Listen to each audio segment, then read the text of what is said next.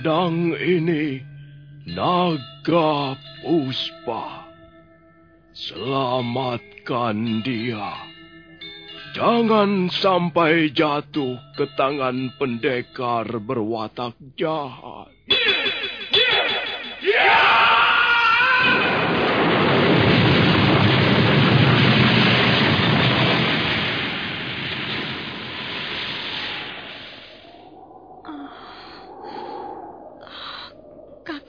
Kakang Kamandano. Kau... Kau masih juga tidak percaya bahwa aku... Aku mencintaimu. Mesin. Maafkan aku, Mesin. Oh. Mesin. Oh. Mesin!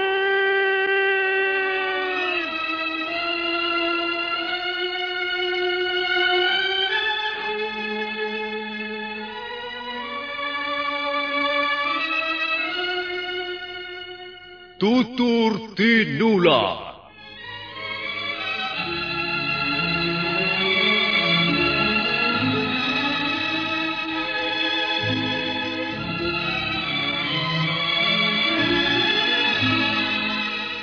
Sebuah sandiwara radio serial, produksi Sanggar Cerita dan teater Sanggar Prativi. Sebuah kisah dengan latar belakang sejarah runtuhnya Singasari dan berdirinya Kerajaan Majapahit.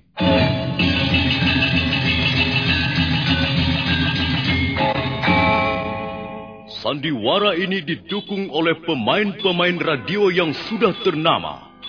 Ferry Fadli, Ivone Rose, dan Eli Ermawati.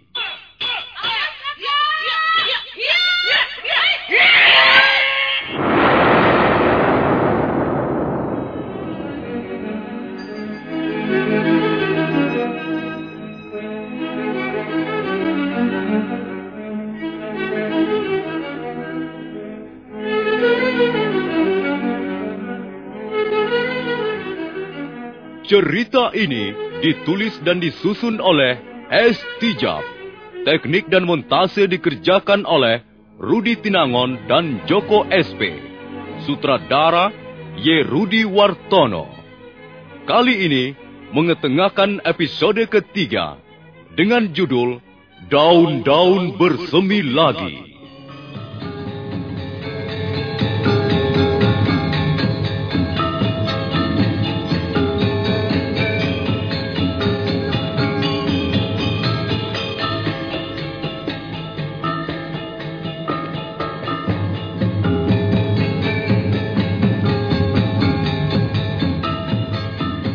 Seri yang ke-89 ini didukung oleh para pemain. Ferry Fadli sebagai Arya Kamandanu, Eli Ermawati sebagai Mesin, Hari Aki sebagai Empu Hanggareksa, Eli Panca sebagai Nyi Rongkot, serta dibantu oleh Suryatin dan Andiris Hadi, pembawa cerita Nusri. Selamat mendengarkan.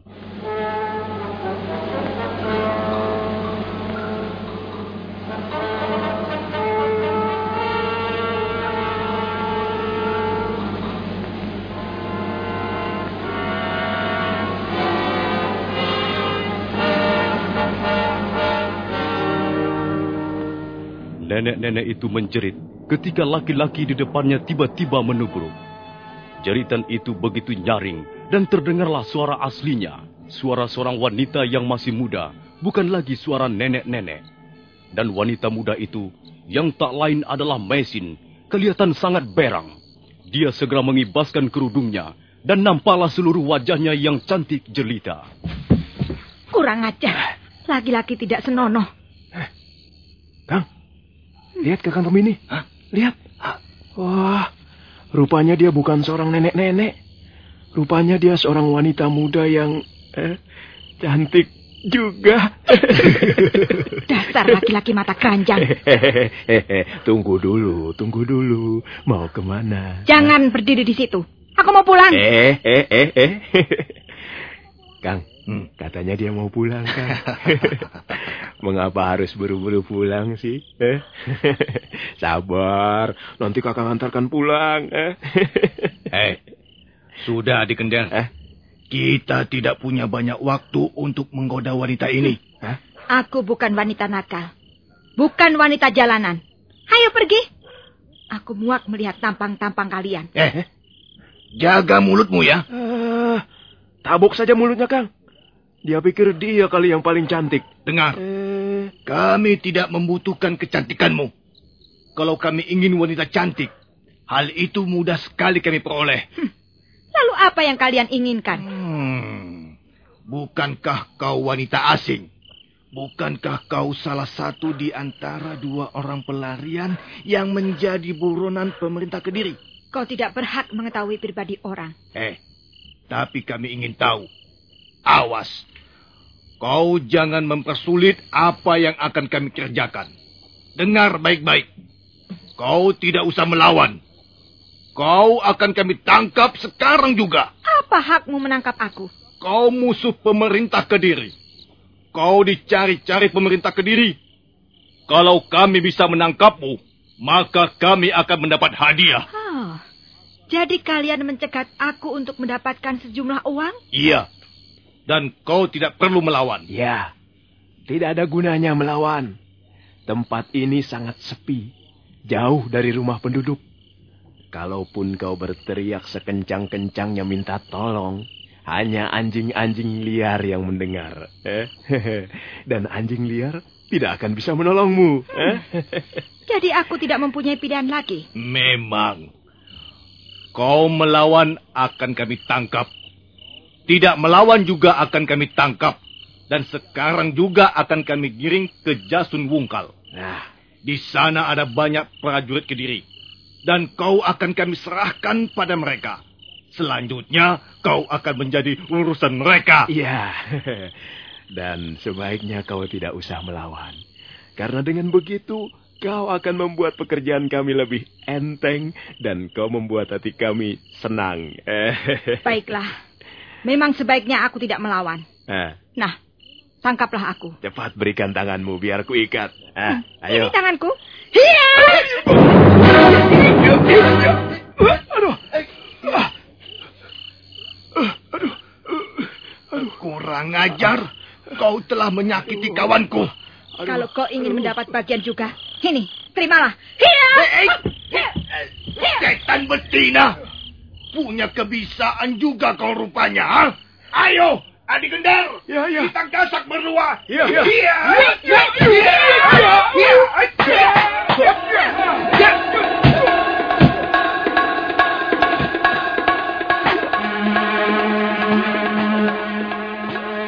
Tembini langsung menyerang Maisin yang sudah menunggu dengan kuda-kudanya. Gendar segera bangkit dan ikut menyerang.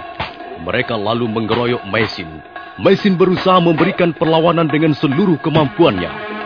Tapi agaknya dua orang lawannya adalah pendekar yang cukup tangguh. Demi menghindari kemungkinan-kemungkinan buruk yang bisa menimpa dirinya, Maisin berusaha mencari kesempatan untuk lolos. Awas adik gendar. Dia mau kabur. Ayo, ayo, cepat di sebelah sana. Iya, iya. Iya. Iya. Iya.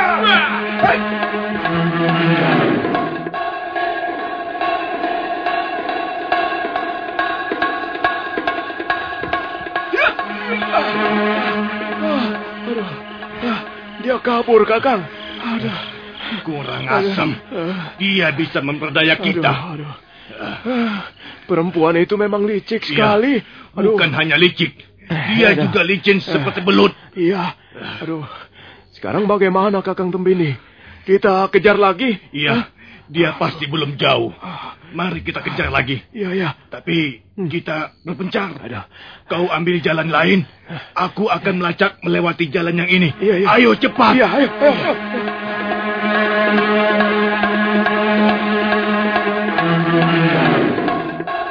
Laki-laki yang bernama Gendar buru-buru melompat dan berlari dalam kegelapan malam.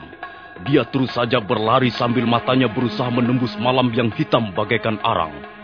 Mendadak di sebuah tikungan yang banyak ditumbuhi pohon-pohon liar, laki-laki itu buru-buru menghentikan langkahnya. Ah, telingaku menangkap suara yang mencurigakan di tempat ini.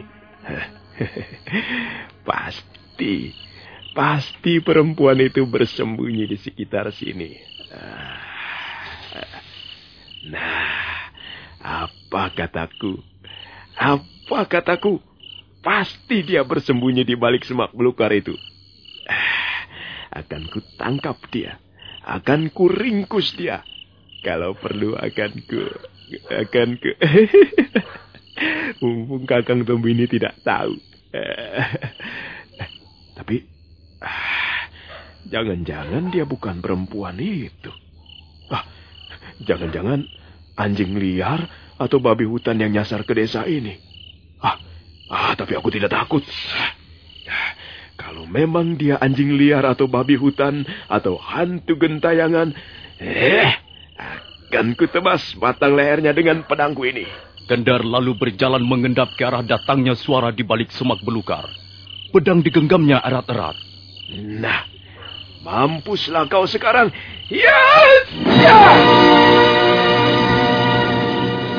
Ah, ah, Kakang Temini. Ah, ah, kau ini ngawur saja. Ah, Leher orang mau dibabat seenaknya. Ah, ma maaf, Kakang.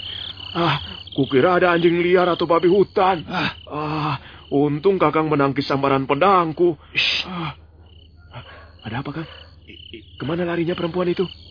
Di, di, dia tiba-tiba lenyap di sekitar tempat ini. Hah? Mungkin dia bersembunyi dulu, menunggu kita lengah. Ah, ah, itu dia, Kang. Betul dia tuh. Iya, iya. Ayo kita kejar. Iya, ayo, ayo, ayo.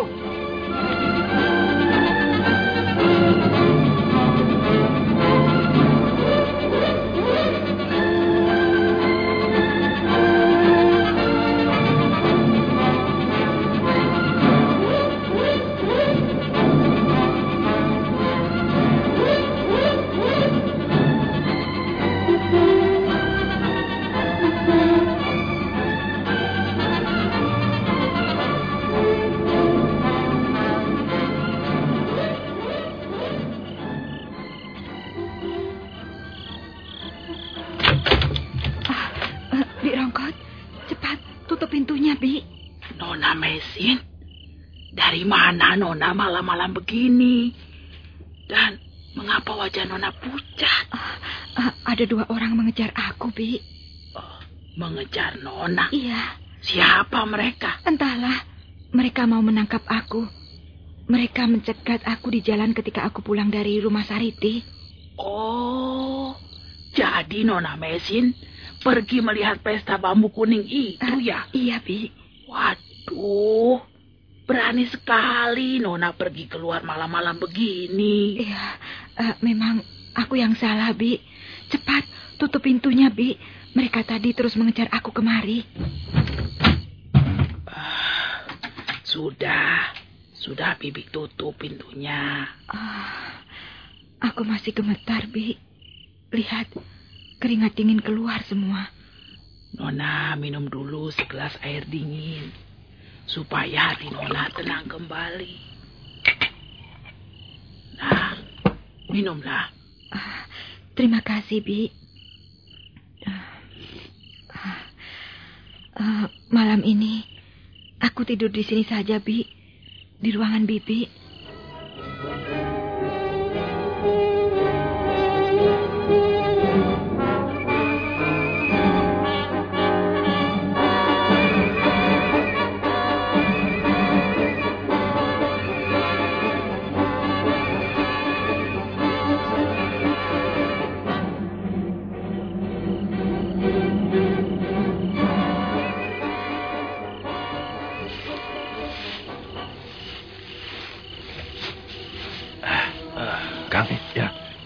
Itu tiba-tiba lenyap, Kang. Hah? Barangkali perempuan itu peri, Kang. Ah, aku tidak percaya ada peri bisa main pukulan. Ah. Jelas dia manusia biasa. Tapi buktinya dia lenyap seperti asap, Kang. Ah, tidak. Dia pasti masuk rumah yang di depan itu. Ah, tapi bukankah itu rumah Empu Hangga Reksa? Wah, mana mungkin dia masuk ke situ, Kang? Ah, kenapa tidak mungkin? Pokoknya kita harus terus menyelidiki wanita itu. Wah, jangan-jangan Dia bukan orang yang dicari-cari pemerintah Kediri, Kang. Aku yakin. Aku yakin dialah orangnya. Ah, jangan-jangan dia pembantu rumah tangganya Empu Anggareksa, Kang. Ah, Atau sanak familinya yang baru datang. tidak. Pertama, dia wanita asing. Dan kedua, aku sudah pernah melihat gambarnya. Gambar itu dicantumkan dalam selebaran. Dan gambar itu persis sekali dengan wanita itu tadi. Ini sudah merupakan data-data yang hampir pasti. Kita tinggal. Eh, apa lagi? Ada orang lewat, Kang. Ada orang lewat. I- dia Arya Kamandanu. Anak empu Hanggareksa. Ayo kita bersembunyi, cepat.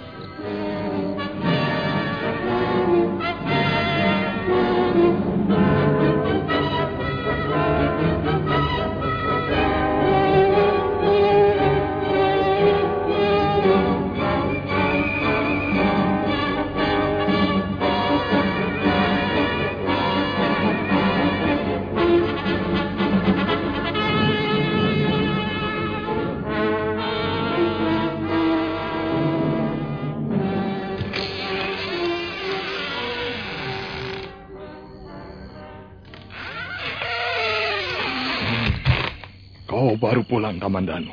Ya, ayah. Bagaimana rasanya? Sakit badanmu? Hmm? Ya, ayah. Sedikit. Malu. Rasa malu. Itu yang jauh lebih penting. Apa kau masih punya rasa malu itu? Hmm? Aku tidak tahu. Mengapa tiba-tiba kau bisa dikalahkan si Sanding? Kau mempunyai ilmu yang hebat. Yang kau perlihatkan sebelumnya. Tapi pada babak berikutnya, mengapa kau seperti kambing dungu? Mau saja kau dipukul rotan sampai babak belur begitu. Ah, saya... Saya memang kalah, ayah. Sanding lebih hebat. Eh, Kamandanu, sebenarnya kau kalah atau kau mengalah? Saya kalah, ayah. Mungkin benar kata ayah. Saya kurang persiapan. Kamandanu, aku ini sudah tua, Le. Sudah kenyang makan garamnya kehidupan. Aku memang bukan pendekar. Tapi aku pernah belajar juga ilmu tata berkelahi. Kau tidak bisa segampang itu menipu ayahmu. Saya tidak menipu ayah. Bagaimana aku bisa percaya pengakuanmu, Kamandanu? Aku melihat sendiri jalannya pertandingan itu. Kau jelas sengaja tidak bersungguh-sungguh ketika bermain pukul-pukulan rotan dengan sanding. Gerakanmu menjadi lamban, seperti kerbau kenyang makan rumput. Tentu saja sanding bisa menggebukmu sesuka hatinya. Untung saja kau tidak kelenger. Ah. Kamandanu, kau mempunyai aji seipi angin. Mengapa ilmu itu tidak kau gunakan untuk mengalahkan Sanding? Kau sebenarnya dapat memukul roboh dalam satu atau dua gebrakan. Hah? Mengapa kau tidak menjawab? Iya. Memang benar, ayah. Saya... Saya sengaja mengalah. Dasar sapi goblok, sapi tolol. Mengapa kau mengalah? Hah? Saya ingin menolong mereka, ayah. Mereka itu siapa? Sanding dan Sariti. Hmm. Mereka saling mencintai. Saya sengaja mengalah demi kebahagiaan mereka. Bagus. Bagus sekali kelakuanmu. Dan kau tidak memikirkan aku ya. Kau tidak mengelokkan ayahmu ini.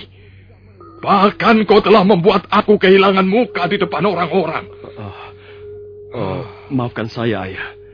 Bukan berarti saya tidak menghiraukan nama baik ayah. Tapi... Tapi saya tidak mempunyai pilihan yang lain. Saya terpojok. Saya terpaksa menolong mereka. Saya tidak sampai hati melihat hubungan mereka patah di jalan gara-gara saya. Sudah, sudah. Kau tidak perlu bicara banyak-banyak. Kau ingin jadi pahlawan. Dan sekarang itulah upahnya. Badanmu babak belur dan keluarga kita terpaksa kehilangan muka.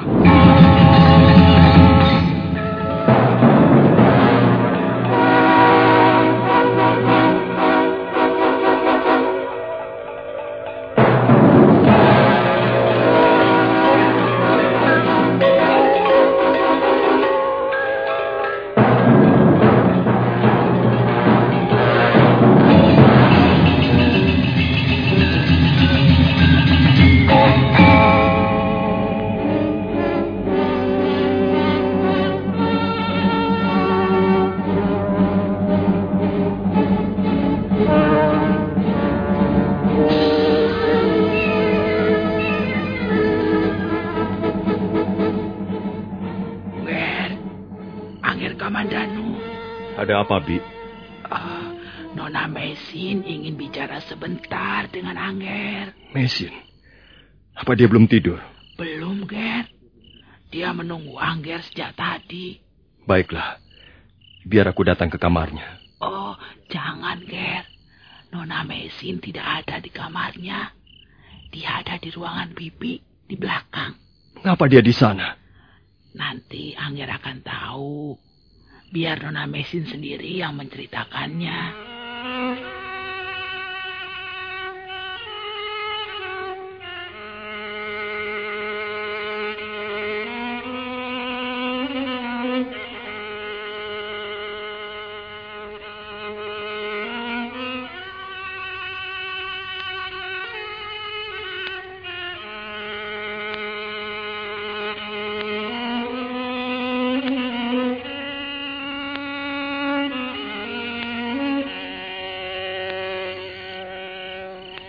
Jadi kau ke rumah Sariti sendirian? Iya, Kakang.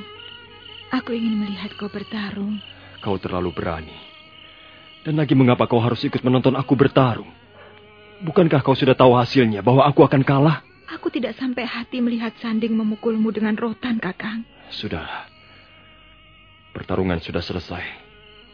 Lalu sekarang ada masalah apa lagi? Waktu pulang, aku diikuti dua orang laki-laki. Mereka lalu mencegat aku di jalan. Mau apa mereka? Mereka mau menangkap aku. Katanya, aku mau dibawa ke Jasun Wungkal. Mau diserahkan pada prajurit-prajurit Kediri yang ada di sana. Oh, persoalan ini bisa gawat. Kalau sampai mereka lapor pada pemerintah Kediri, rumah ini bisa diobrak-abrik. Dan kita terpaksa menjadi pelarian lagi. Hmm, tapi benar, mereka cuma dua orang dan tidak lebih? Uh, tidak, Kakang. Mereka memang cuma dua orang. Apa mereka prajurit? Sepertinya bukan. mereka masih ada, Nona Mesin. Mereka masih mondar-mandir di jalanan. Tadi Bibi lihat mereka menguasai rumah ini ketika Bibi menutup pintu serambi depan. Benar mereka cuma dua orang atau lebih, Bi? Uh, cuma dua orang, Ger. Yang satu menghunus pedang dan pedangnya itu disabet-sabetkan daun-daunan. Oh, walaupun hanya berdua, mereka bisa membahayakan keselamatan kita. Oh, lalu bagaimana, Ger? Orang-orang itu nampaknya jahat sekali. Satu-satunya jalan. Mereka harus dibungkam. Uh, kau punya akal untuk membungkam mulut mereka? Nah, begini saja. Kita jangan sampai memberi kesempatan mereka memberitahukan pada kawan-kawannya. Karena itu kebetulan sekali. Mereka masih ada di sini. Lalu, apa rencanamu, Kakang? Kita akan pancing mereka. Kau berani menjadi umpan mesin? Apa yang harus aku lakukan? Kau pergi dari rumah ini diam-diam dan melewati pintu depan. Mereka pasti akan segera mengikutimu. Nah, kau harus membawa mereka ke tempat yang sepi. Di sebelah selatan desa Kurawan ini, ada bukit kecil yang jarang dijamah manusia.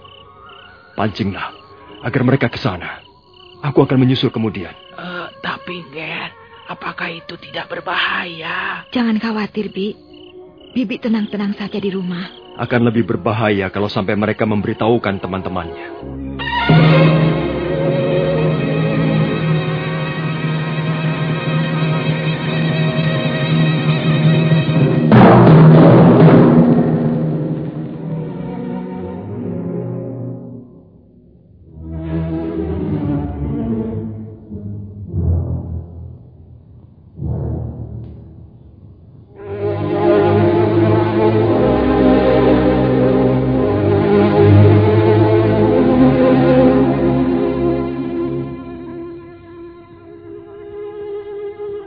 Bibi Rongkot menutup pintu ruangannya.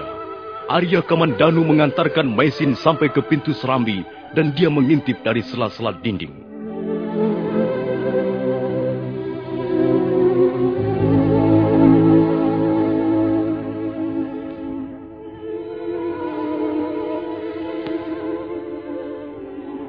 Malam sangat sunyi ketika Maisin melompat ke halaman. Sebentar kemudian, dia sudah lenyap di balik kegelapan. Dan pada saat yang hampir bersamaan, dua bayangan berkelebat menyusulnya. Nah, para pendengar sekalian, bagaimana kisah selanjutnya? Silakan menunggu seri berikutnya. Sampai jumpa.